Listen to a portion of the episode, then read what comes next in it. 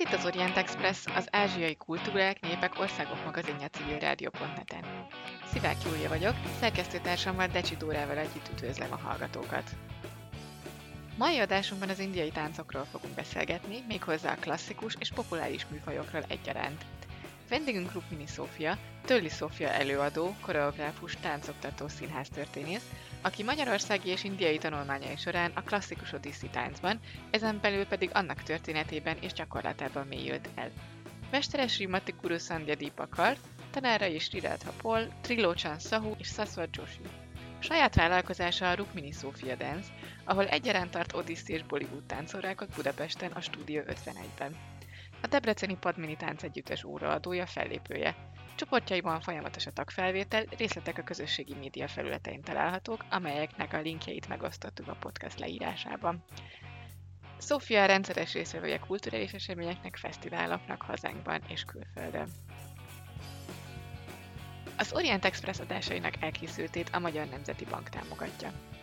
Felhívjuk hallgatóink figyelmét, hogy az Orient Express adásai nem csak a civilrádió.net-en hallgathatók, hanem podcastként az interneten is, az expressorient.blog.hu oldalon, a YouTube csatornánkon, továbbá a Soundcloudon, a Spotify-on, az iTunes-on és a többi podcast alkalmazásban, méghozzá bárhol, bármikor, bármilyen kütyüvel. Kedves Szofi, köszönjük, hogy elfogadtad a meghívásunkat, és üdvözlünk a stúdióban! Te hogyan lettél táncos, és miért pont indiai táncokkal foglalkozol? Sziasztok, köszönöm szépen a meghívást, és üdvözlöm a hallgatókat. Igazából az, hogy én táncos lettem, az valószínűleg valami nagyon mély el, elhivatás lehet ebben, mert én gyerekkoromtól kezdve nagyon szeretek táncolni. Legelőször, én debreceni vagyok, és legelőször a Debreceni Virágkarneválon láttam olyan táncosokat, akikhez egyszerűen azt éreztem, hogy én is oda akarok tartozni, és a szüleimet kértem, hogy írassanak be engem is valamilyen táncra. Ez akkoriban még a mazsorett volt, Úgyhogy én óvodáskoromban kezdtem el mazsorettezni, és igazából ugye ez már elég régen volt, és ettől kezdve elég sok stílust kipróbáltam, amíg az indiai táncok, táncokkal megismerkedhettem, ez a gimnáziumi éveim alatt történt. És hogy miért pont az indiai tánc, ez pedig Igazából nem tudok rá logikus magyarázatot adni. Improvizációk során jöttek olyan mozdulatok, ami, ami miatt az egyik barátnőm mondta azt, hogy nekem szerinte az indiai táncot kéne kipróbálni. Nem tudom, hogy mennyire ismerősek különféle kézjelek, vagy ez a tipikus oldalra, jobb és bal oldalra történő nyakmozgatás, ami az indiai táncok sajátja. Na ez nekem valahogy a kezdetektől fogva ment, anélkül, hogy tanultam volna. És, és igazából a barátnőm unszolására kerestem indiai táncoktatást, akkor még Debrecenben, és nagyon nagy meglepetésemre ez elérhető volt, és én, én ott kezdtem el Debrecenben Mészáros Adriennél tanulni ha jól tudom, akkor Odyssey tanultál már Debrecenben is, ugye? Így igaz. Um, igazából Debrecenben is volt Odyssey és Bollywood tánc is, tehát a, a tanárom is ezt a két stílust tanította, de engem az Odyssey sokkal jobban inspirált, és a kezdetektől fogva jobban megfogott, olyan szempontból, hogy számomra ez volt a leges, legbonyolultabb mozgástípus, amit addig életem során kipróbáltam, és igazából ez szerintem azóta is tartja magát, tehát bármit próbáltam, az, az Odyssey-hez képest már sokkal egyszerűbben ment, hiszen olyan komplex mozgáskoordinációról van szó, ami, ami nagyon, tehát az egész testet igénybe veszi, nem csak a végtagokat, hanem ahogy már korábban említettük, a, a nyakat és az arcizmokat is. És az a nagy szerencsém van, vagy volt, szerintem ez egy folyamatnak tekinthető, hogy, hogy már Debreceni éveim során megismerkedtem mesternőmmel, Szandria Dipakarral, aki a Debreceni tánctanárom mesternője is volt, és vele azóta is töretlen a kapcsolat, és egy, egy folytonos tanulási viszonyt ápolhatok a, ilyen szempontból úgymond a forrás, forrással. És ha jól tudom, akkor Indiába is kimentél hozzá tanulni, ugye? Kimentem Indiába, viszont ott nem a mesternőmnél tanultam, ő egyébként Amerikában él, hanem egy tánciskolába mentem. Magyarországon szintén többször járt Szaszvat Joshi, és az ő tánciskolájába mentem Bubanisvárba, közvetlenül az érettségi után. Azért az hatalmas kaland lehetett 18 évesen összepakolni a motyódat és elmenni Indiába. Több hónapot voltál, ugye? Igen, igen, én egy fél évet voltam, akkor így hirtelenjében. Hát igazából aggódtak is a szüleim, hogy mi lesz velem. Sőt, anyukám annyira nem akart engedni, hogy a konzulátustól is kért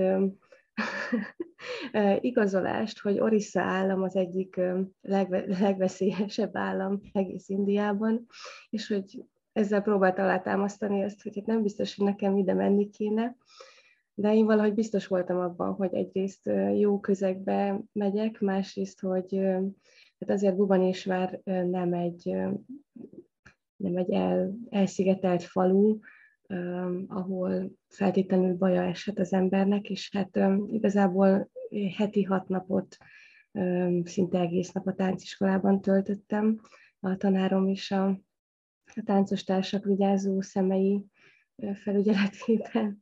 Foglalkoztatott egyébként korábban is már így bármi Indiával kapcsolatban, mielőtt kimentél, vagy mennyire ért, ért így sokként az egész különleges kultúra, vagy milyen tapasztalataid voltak? Tudsz egy kicsit mesélni még erről az időszakról? Igazából a keleti kultúrák, mint, mint olyan, vagy olyanok, mindig is érdekeltek. Tehát maga az érdeklődés az megvolt, viszont igazából az indiai kultúráról, vagy az indiai szokásokról, indiai táncról igazából semmit nem tudtam, azt megelőzően, hogy a tánccal kezdtem volna foglalkozni.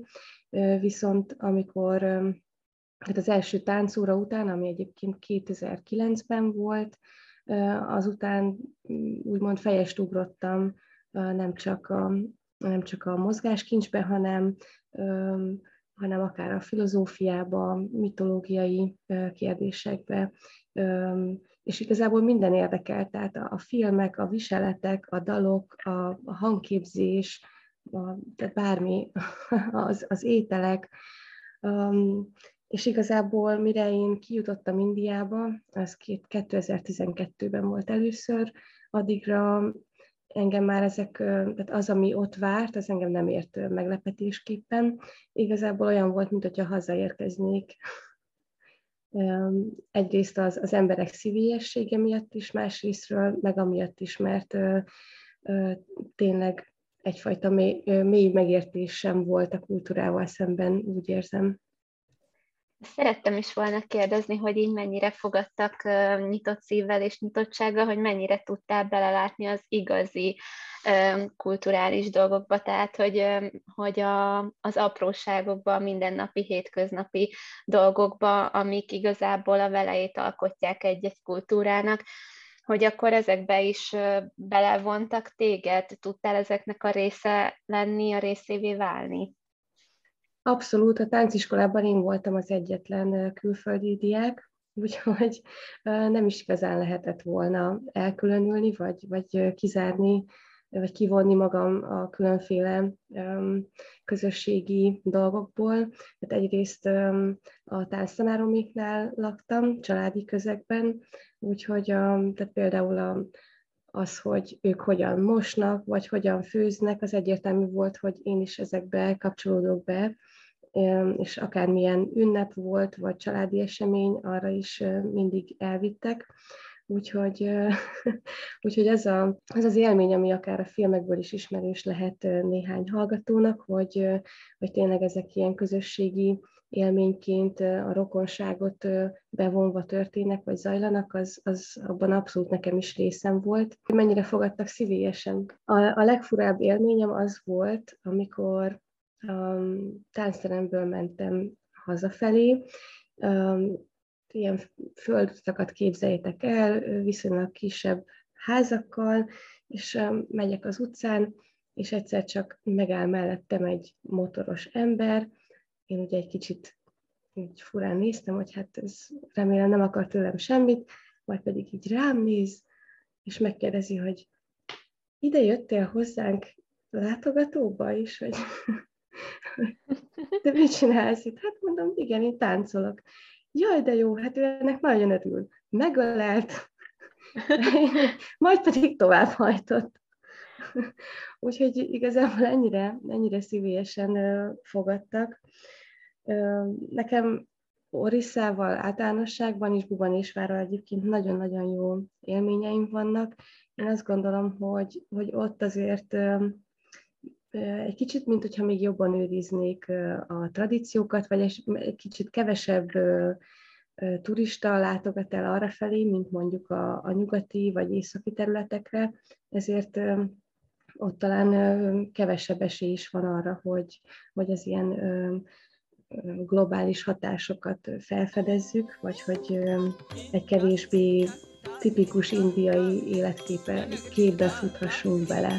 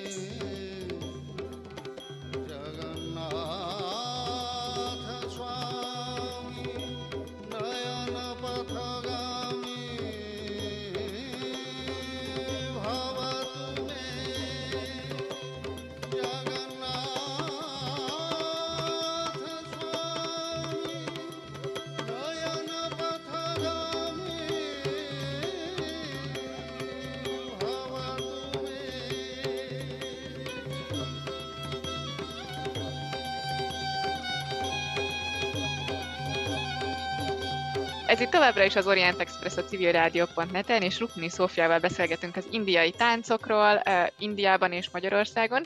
Ugye az előző blogban már megbeszéltük azt, hogy te egy fél évet tanultál Indiában, méghozzá Orissa államban, Odissit, és most egy kicsit arról szeretnélek faggatni, hogy mennyire volt más ez a kinti táncos élmény az itthoniakhoz képest, tehát hogy milyen például egy kinti tánciskolának a hangulata, az órarendje, kik azok, akik rajtad kívül még oda jártak, mert említetted, hogy csak helyiek voltak, de hogy kik ők kicsit bővebben? Nehéz összehasonlítani a, az itthoni táncórákat a, az indiai élményeimmel, hiszen az ösztöndíjam keretében én egy kifejezetten intenzív oktatásban vettem részt, ahol tényleg heti hat nap, szinte egész nap táncoltunk egy ebédszünet kivételével, és persze ott is van siesta, mint az európai déli államokban, ami igazán szükségszerű, hiszen napközben eléggé meleg tud lenni a, az év nagy részében. Viszont ami a legeslegnagyobb különbséget jelenti, az az, hogy, hogy az ember mindig egy-egy csoporttal együtt gyakorol, kivéve, hogyha nyilván, hogyha magánórája van, viszont a legnagyobb különbség az, hogy már egészen kezdőként ilyen módon lehetőség nyílik arra, hogy a haladókat megfigyelve szívd magadba a tudást. Mint tudjuk, azért a, tehát a táncot nem lehet könyvből megtanulni, hanem azt csinálni kell, és hogyha többet látsz olyan embereket, akik nálad több ideje tanulják, vagy jobban megy nekik, és, és vizuálisan ezt az ingert kapod, és ezt próbálod leutánozni a saját testeddel, vagy a saját izomzatoddal, akkor teljesen más a hatás, mint hogyha magadtól próbálnád ugyanezt elérni, úgyhogy nincs ott ez az erős személyes inger. Tehát a legnagyobb különbséget számomra ez jelentette, hogy, hogy hiába gyakoroltam valamit előtte éveken keresztül, egy olyan csoportban, ahol nagyjából mindenki velem együtt kezdte el, vagy, vagy legalábbis nem túl sokkal korábban, mint én. A, az indiai táncórákon viszont, az, az Indiában lévő indiai táncórákon egy ilyen közép haladónak számítottam abból a szempontból, hogy, hogy hány darabot ismertem, viszont viszonylag kezdőnek olyan szempontból, hogy, hogy a technikámat mennyire kellett csiszolni, és, és már, már pár hónap alatt igazán nagy változást lehetett elérni azáltal, hogy, hogy olyan emberekkel gyakorolhattam együtt, akik tényleg szintén gyerekkoruk óta um, Odisszivel foglalkoztak.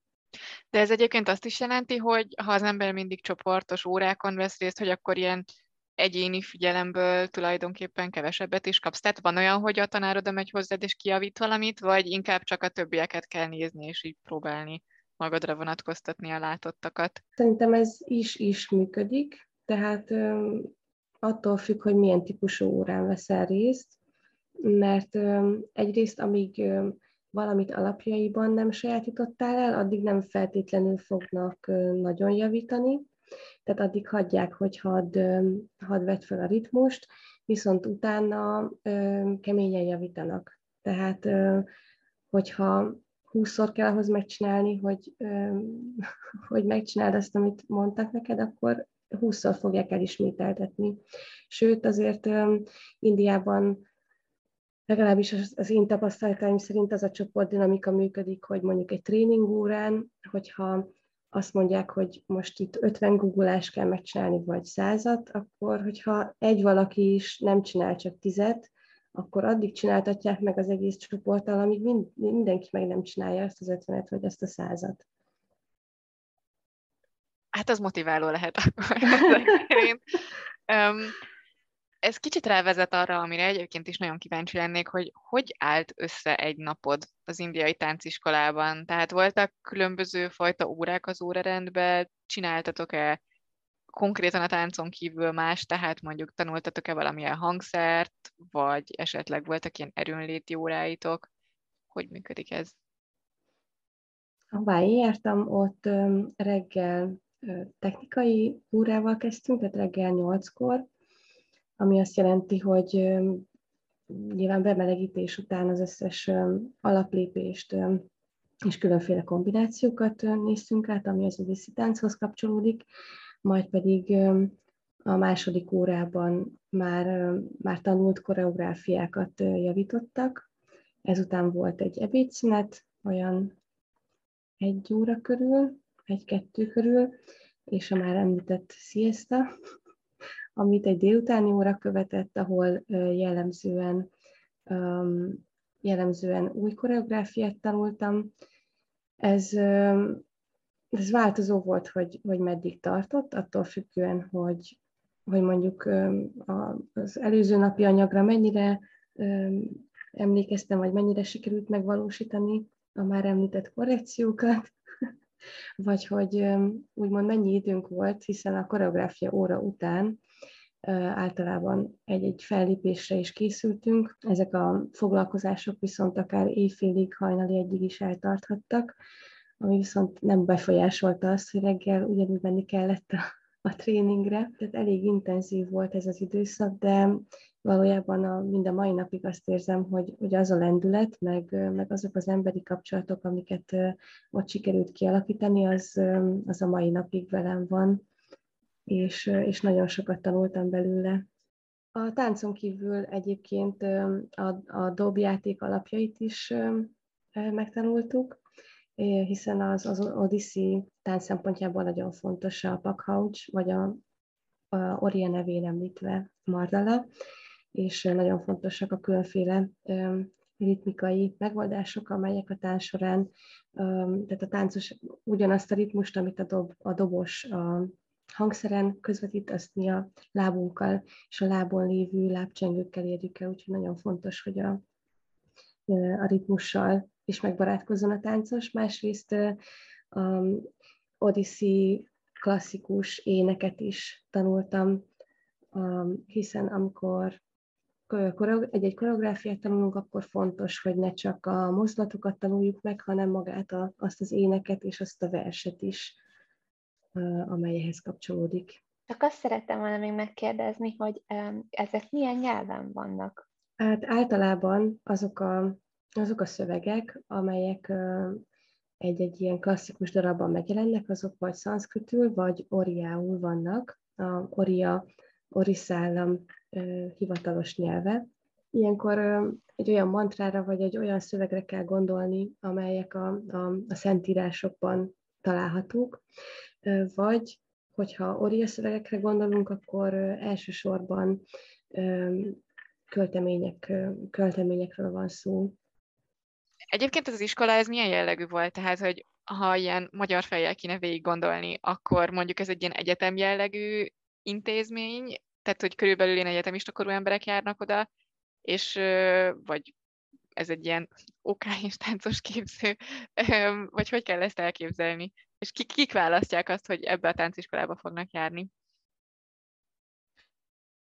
Sokféle iskola van, sokféle tánciskola van Indiában, és, és nyilván Bubanésvárban is, hiszen nagyon fontos a, az indiai kultúrában, hogy a, a gyerekeket képezzék, külön, tehát hogy a tradicionális mozgás típusokban is, legalábbis én ezzel találkoztam.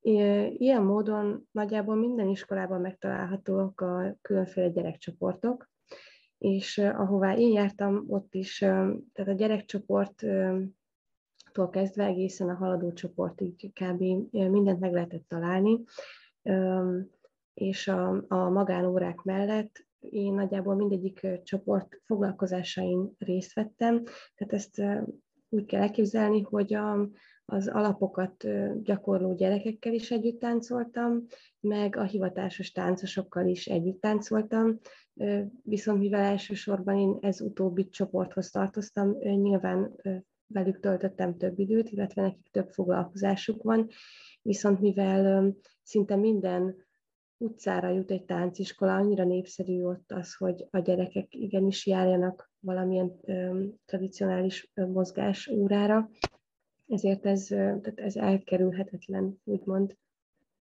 De akik, akik viszont profi szinten űzik a táncot, és ez a hivatásuk, ők általában különféle mm, projekteken vesznek részt, vagy akár több iskolában szimultán módon is részt vesznek a, a munkában, vagy akár a tanításban is.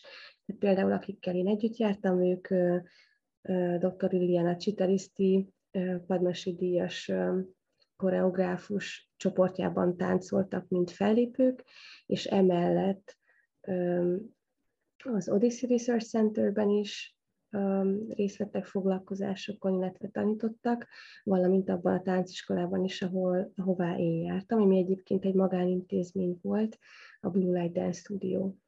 Engem így nagyon érdekel azt, hogy ugye itt eleven megtanult gyakorolt koreográfiákról beszélsz, egy-egy ilyen koreográfiának milyen a hosszúsága, tehát mennyi idő, vagy, vagy mennyi idő megtanulni, vagy ezek mennyire szabályozottak, tehát abszolút nincs rálátásom erre, és szerintem a hallgatók többségének sem, hogy tudsz esetleg erről egy kicsit mesélni, csak így nagy vonalakban, általánosságban, majd később talán belemegyünk jobban a részletekbe. Hát az Odyssey repertoár mindig különféle koreográfia típusokból áll, amelyekből az első mindig a virágfelajánlás, itt maga a virágfelajánlás gesztusa egyrészt a, a színpadot is szakrálisan megtisztítja, valamint maga a felajánlás Jagannát számára történik, a, aki Visnu egyik aspektusaként tisztelt Orissa államban.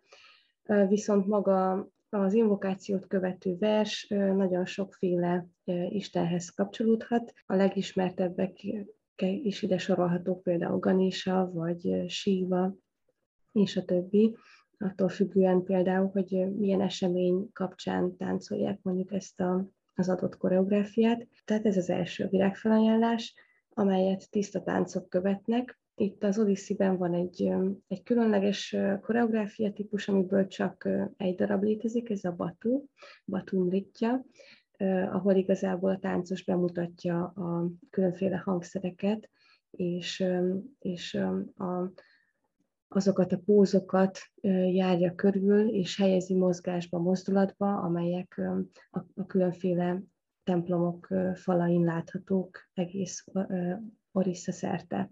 Ezt követi egy másik tiszta tánc koreográfia, a pallavi, amely hangulatában nagyon sokféle lehet, attól függően, hogy milyen dallamvilágra épül az egész kompozíció, és ilyen módon nem mindegy, hogy mondjuk az előadás, amin ezt bemutatják, az egy esti, vagy egy valamilyen ünnephez kapcsolódó, hiszen a különféle ünnephez különféle hangulatok társulnak. A tiszta táncos koreográfiának nincsen konkrét jelentése, tehát a, a, a virtuozitás és a, az esztétikai megjelenítésen van a hangsúly.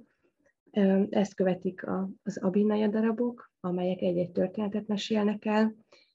Ez általában a Gita Govindához kapcsolódik, hiszen ugye már említettük Jagannát személyét, akihez közvetlen, közvetlenül kötődik az, az Odissi, mint szakrális tánc, és ő, mint Vishnu, illetve Krishna megjelenése uralja ezt az egész stílust, így, így a legtöbb a Binaya darab Krishnához és az ő kerteléseihez kötődik, de természetesen előfordulnak Durgát, vagy akár Siva, Sivát, vagy, vagy akár a Rámajána egy-egy részletét bemutató történetet leíró darab is.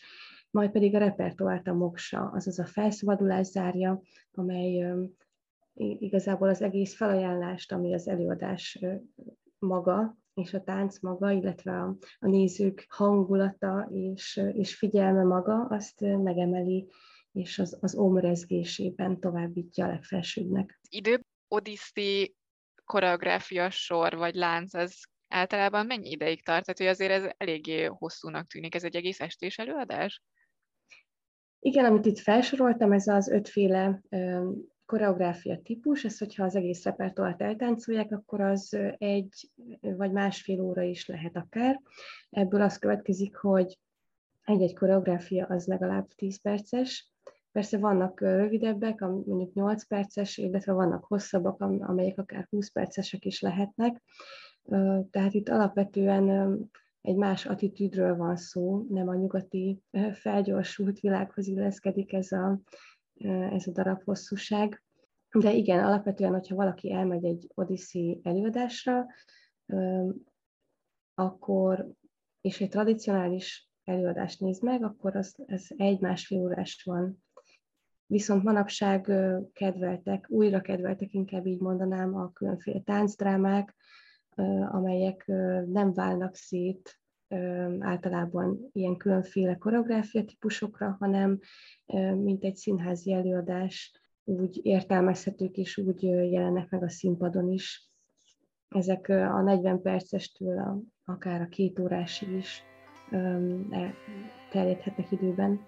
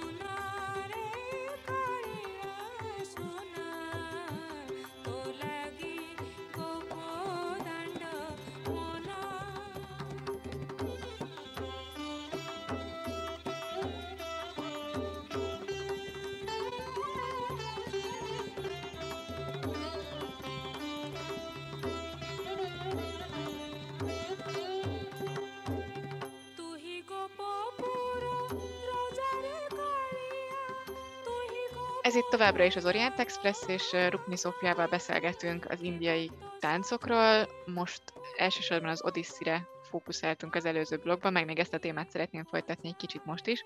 Ugye többször említetted, hogy az Odyssey-ban nagyon fontos szerepet játszik a mitológia, és különösen Jagannát alakja. Egy kicsit tudnál mesélni erről a mitológiai kapcsolatról, illetve az egésznek így a spirituális vagy ilyen szakrális kontextusáról?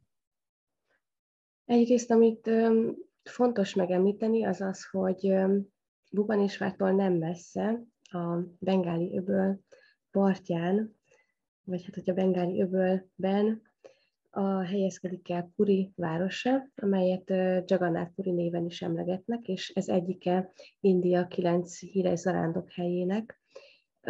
Azért, mint a nevéből is kiderül, Jagannath Puri, tehát igazából ez Jagannath lakhelye, ahol egy olyan szent hely található, ahova tényleg évente milliók látogatnak el, és egyébként nem hinduk nem is tehetik be a lábukat a templomba. Tehát igazából Orisszát Jagannath földjének tartják, és, és emiatt az ő alakja nagyon fontos szerepet játszik a, a helyi vallásgyakorlásban, tehát az, hogy a különböző családok számára melyik az a, az, az Isten, akit ők mondjuk, vagy a, aki az ő úgymond családi áldáshozójuk, attól függetlenül, hogy az emberek a legeslegnagyobb része Visnuhoz, és azon belül is a Jagannath formájához fohászkodnak, vagy hogy felé rendkívüli módon nagy tiszteletet tanúsítanak, az, az egy alapvetés. Az olyan, mint hogyha mint hogyha itt arról beszélnénk, nem tudom, hogy Debrecen, hogy az én szülővárosom, az egy református, tehát a kálvinista Róma, ez nagyjából ennyire behatárolható Indián belül. Jaganát alakja pedig, tehát Jaganátot az univerzum uraként tisztelik, tehát igazából mindent magába foglal, ami a teremtéssel vagy a, az anyagi világ fenntartásával kapcsolatos, és fontos azt is megjegyezni, hogy, hogy ha bár az nem tudható pontosan, hogy az ő formája honnan ered, tehát valószínűleg az, az ő Isten szobra abban a formájában, amit ma is ismerünk, ami egyébként egy különleges forma, hiszen kevésbé megfaragott, kevésbé kimunkált, mint a tipikus indiai ábrázolás, ami esetleg eszünkbe jut más, más istenek kapcsán. Az már olyan régóta Orissa területén található, hogy nem is biztosak benne a történészek sem, hogy igazából melyik népcsoporthoz vagy melyik kultúrához kapcsolódott eredetileg. Jagannáttal kapcsolatos történetek megjelennek az Odyssey-ben? Mert ugye említetted, hogy sokszor van az, hogy ilyen mitológiai történeteket adtok elő. Vannak valami különleges történetei, amik így megjelennek a táncban? Mivel Jagannath, Jagannathot Krishnával azonosítják Orisszában, ezért, ezért Krishna alakjában jelenik meg.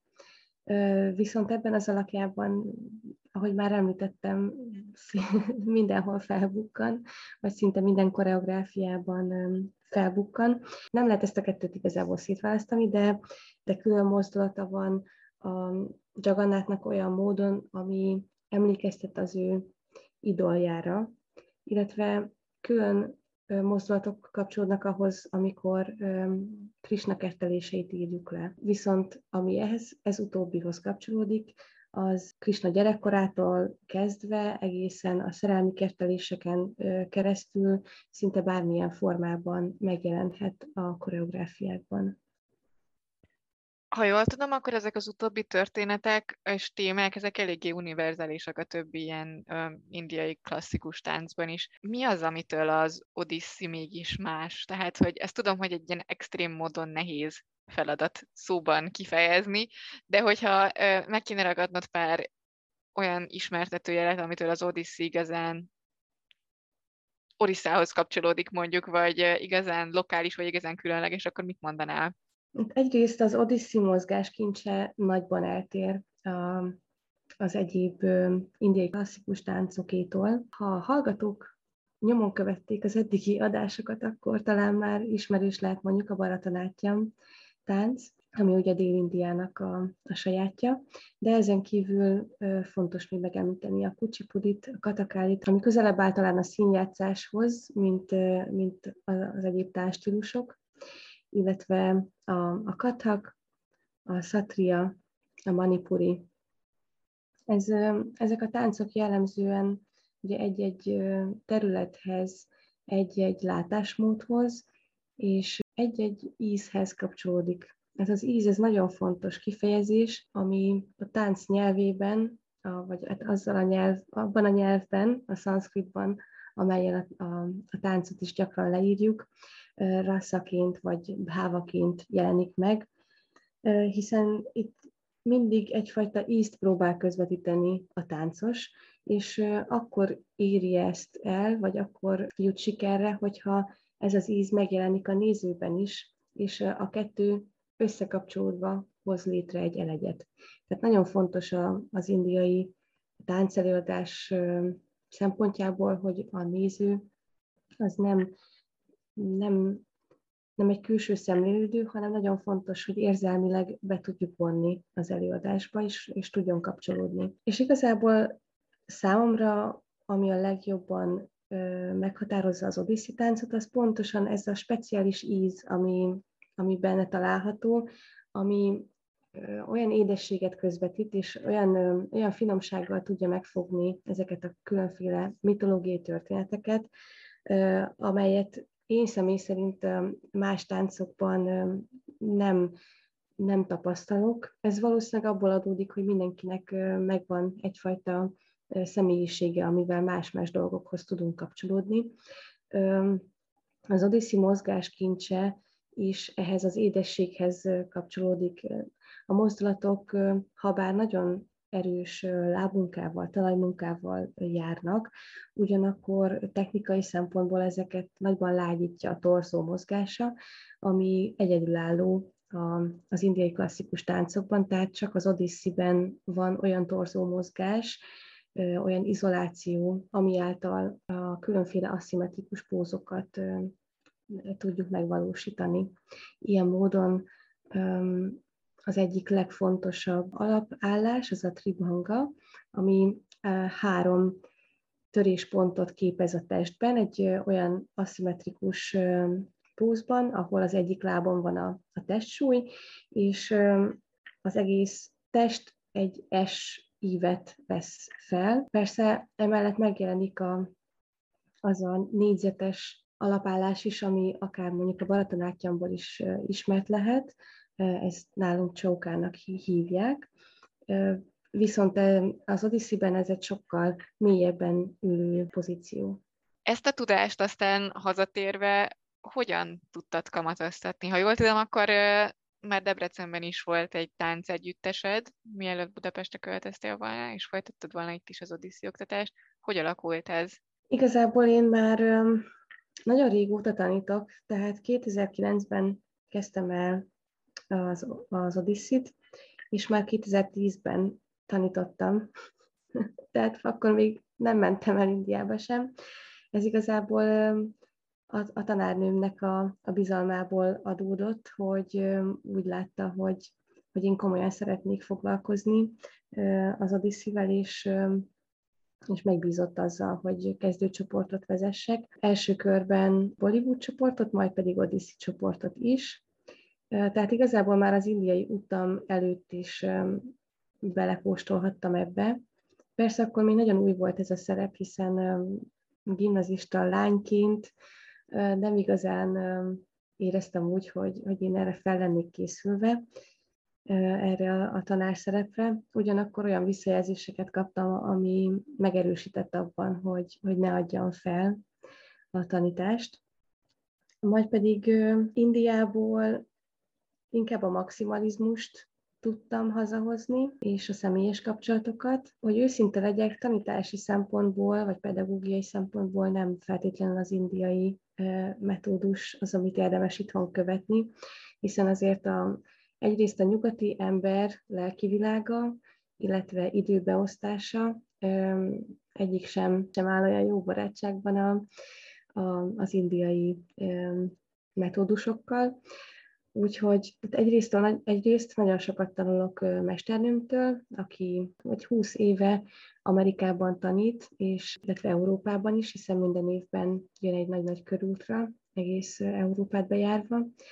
Tehát tőle is nagyon sokat tanulok azzal kapcsolatban, hogy hogy érdemes megfogni, elmagyarázni bizonyos dolgokat, illetve fontosnak tartom azt, hogy pedagógiai szempontból folyamatosan képezzem magam. Ilyen módon például egy pár éve euritmia továbbképzésen is voltam, ami a Waldorf iskolákhoz köthető mozgásnak a, a különleges technikája, ahol um, igazából a, hangokhoz kapcsolt mozdulatnak és a, és a ritmusnak is különleges szerepe van illetőleg tavaly pedig joga oktatóvá váltam, ami azért különleges számomra, mert sokkal struktúráltabban tudom a, a nyújtásokat vezetni, mint az előtt, hiszen az előtt ez inkább ab, abból adódott, hogy a, a táncórákon én mit tanultam, illetve a táncórákon mit használtunk, viszont, viszont a jogának köszönhetően és a joga oktatói képzésnek köszönhetően ezt, ezt is sokkal struktúráltabban tudom beépíteni, és már a, az erősítések, illetve alaplépések során is szeretek olyan, olyan gyakorlatokat közbeékelni, amelyek segítik az izomtónus megfelelő felépítését, vagy akár a, a légzés fontosságát hangsúlyozzák.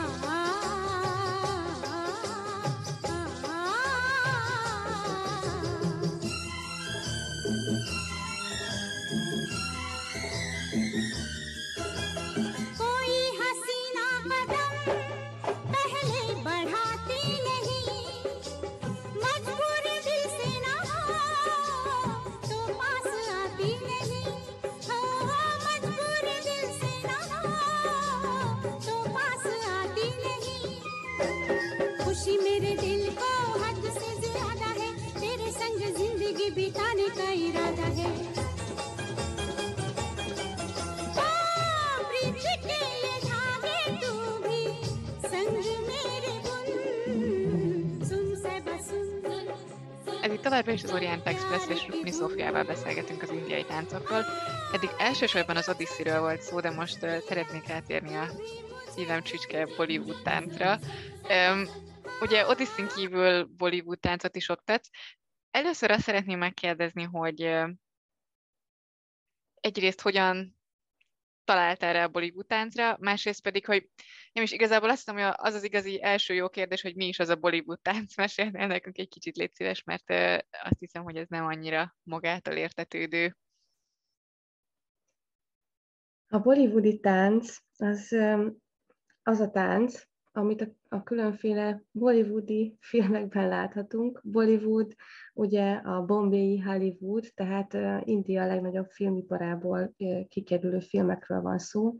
Persze ez ez sokkal tágabb ennél igazából, hiszen a, a bombéi filmipar a, a hindi nyelvű filmeket gyártja, de nagyon népszerűek nem csak Indiában, hanem világszinten is a különféle dél-indiai és egyéb államból származó filmek, ezeknek egyébként mindnek megvan a saját Bollywoodja, ami ilyen szempontból Tollywood, meg Kaliwood, meg Hollywood, nyilván mindig az, azzal a, az állam nevének az első betűjével, ahol ez megtalálható, tehát a, a keralai filmipar az a Kaliwood.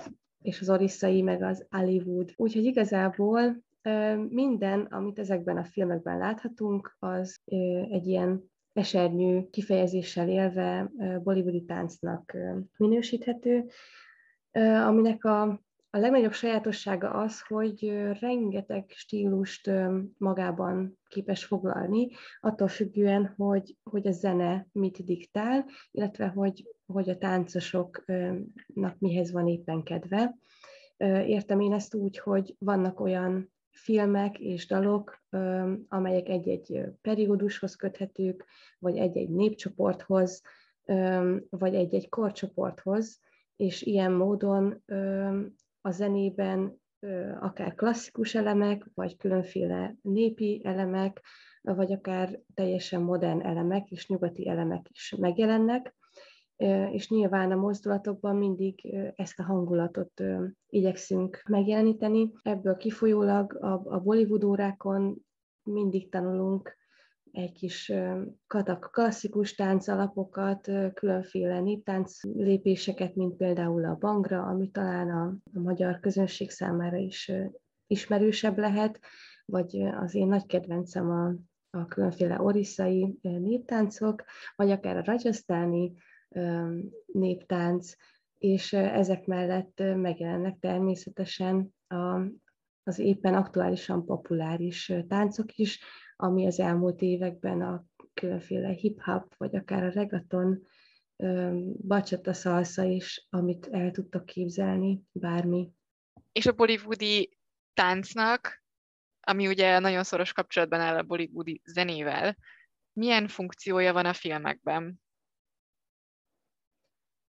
Ez a funkció változó, hiszen egyrésztről megjeleníthet egy konkrét szituációt, vagy kibonthat egy konkrét helyzetet, vagy pedig egy olyan láthatatlan dologhoz is kapcsolódhat, mint akár egy érzelmi állapot, vagy egy gondolatfolyam, amely a, a főszereplő fejében zajlik le. És igazából egy olyan, olyan, mint hogyha egy stop gombot nyomnánk a, a szüzsében, tehát hogy a film cselekményében, ahhoz, hogy egy kicsit fellélegezzünk, és más szemszögből egy kicsit absztraktabb módon nézzünk arra az adott problémára, vagy arra az érzelemre. Ez akár lehet az is, hogy, hogy valaki nagyon szomorú, és ezért az esőben táncol, vagy nagyon szerelmes, és ezért a hegyekben futkározva táncol és énekel, ami így elmondva elég nevetségesen hangozhat, viszont tehát ez dramaturgiai funkcióval is bír ilyen szempontból, és sokkal inkább ugye a zene és a mozdulatok nyelvén sokkal inkább ki tud fejezni olyan állapotokat, amelyekre mondjuk egy nyugati filmben egy szuper közelít használnak, egy szuper arc közelít, vagy pedig egy olyan motivumot, hogy ami, ami mondjuk az emberektől független, nem tudom, hogy átmegy az úton egy, egy ilyen ördögszekér. Tehát végül is nálunk is vannak ilyen funkcióval bíró szimbólumok, csak talán máshonnan fogja meg ezt a nyugati kultúra, és máshonnan a keleti. És neked hogy jött egyébként, hogy ilyen bollywoodi táncokkal foglalkoz, vagy hogy ilyeneket táncolj, ilyeneket tanulj, és aztán, hogy ezeket tanítsd is másoknak? Én, úgy, én ezt nem akartam. tehát amikor elkezdtem odiszi táncolni, akkor mivel két fajta óra volt az Adriennél, ezért én mind a két órán részt vettem, de úgy voltam vele, hogy hát ez a Bollywood, hát ez, ez nem kihívás, nagyon jó hangulata volt, de az Odyssey mellett, tehát ami, ami számomra tényleg fizikailag és szakrálisan, lelkileg minden szempontból a szerelmemmé vált, amellett a Bollywood az nekem, hogy mondjam, nem, nem hozott akkora kihívást. Viszont jó voltam benne, és ezért először fellépésekre vitt el a tanárnőm, majd a fellépésekből lett kezdőcsoport, ahogy már említettem, tehát hogy elkezdtem tanítani, és, és igazából szépen lassan rájöttem, hogy amíg az Odysseyhez évek kellenek ahhoz, hogy azt érezd, hogy egy kicsit birtokában vagy a technikának, és egy kicsit el tudod engedni a, a fantáziádat, és esetleg megpróbálkozhatsz valamit magadtól is összeállítani, hiszen azért tradicionális szempontból mi általában a mesterek koreográfiáit táncoljuk, és kevés az a táncos nyugaton, vagy akár Indiában is, aki saját koreográfiákkal próbálkozik.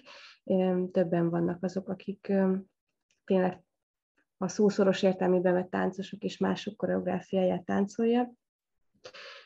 Viszont a Bollywooddal kapcsolatban nem, nem éreztem azt, hogy, hogy ne nyúlhatnék a matériához, hiszen egyrésztről nem volt miből építkezni, mert hogy ezt nem tanította, vagy nem mutatta meg úgy senki, mint mondjuk az Odyssey-t. Másrészt tényleg hónapról hónapra változik az, hogy, hogy milyen zenék aktuálisak, mik a népszerűek, vagy hogy az embernek mihez van kedve, vagy mondjuk milyen hangulat szükséges egy-egy fellépéshez. Tehát ilyen módon sokkal nagyobb önbizalommal tudtam belevágni abba, hogy kísérletezzek mozdulatokkal, stílusokkal, és mivel elég sok stílust táncoltam az Odyssey-t és az indiai táncokat megelőzően, például versenytáncokat, modern táncokat, balettba is belekóstoltam.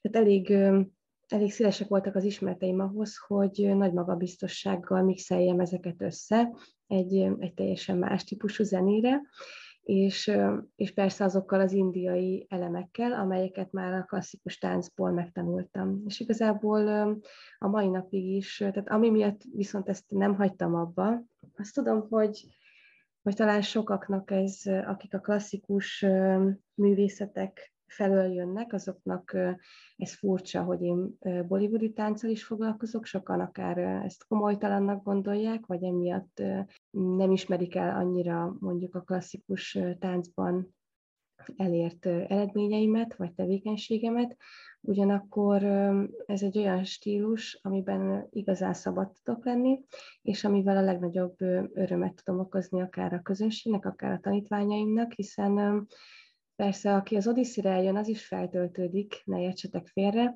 de aki a Bollywood órára jön el, az tényleg úgy tud kikapcsolni, hogy hogy az odyssey gondolkodni kell, a Bollywoodban meg nevetni kell, jól kell magad érezni, és nem kell túl gondolni azt, hogy hogy csinálod. A gyakorlat során úgy is finomodnak a mozdulatok, és igazából ez is a módszerem, hogy vágjunk bele a sűrűjébe, és, és majd utána kialakul a többi. Nem kell túlagyalni.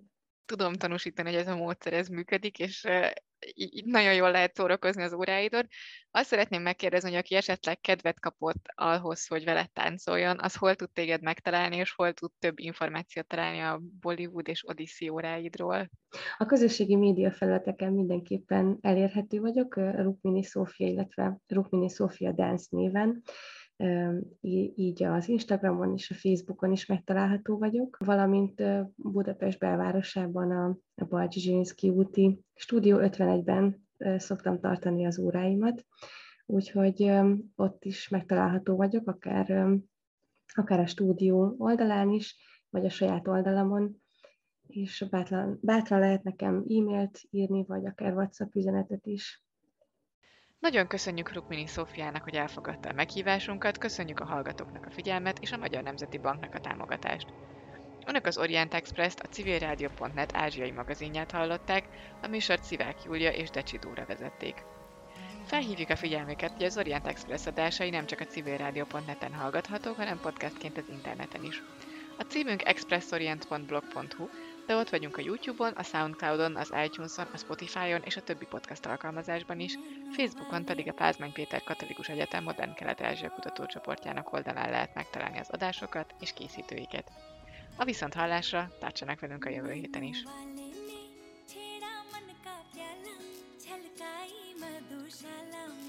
चैन रे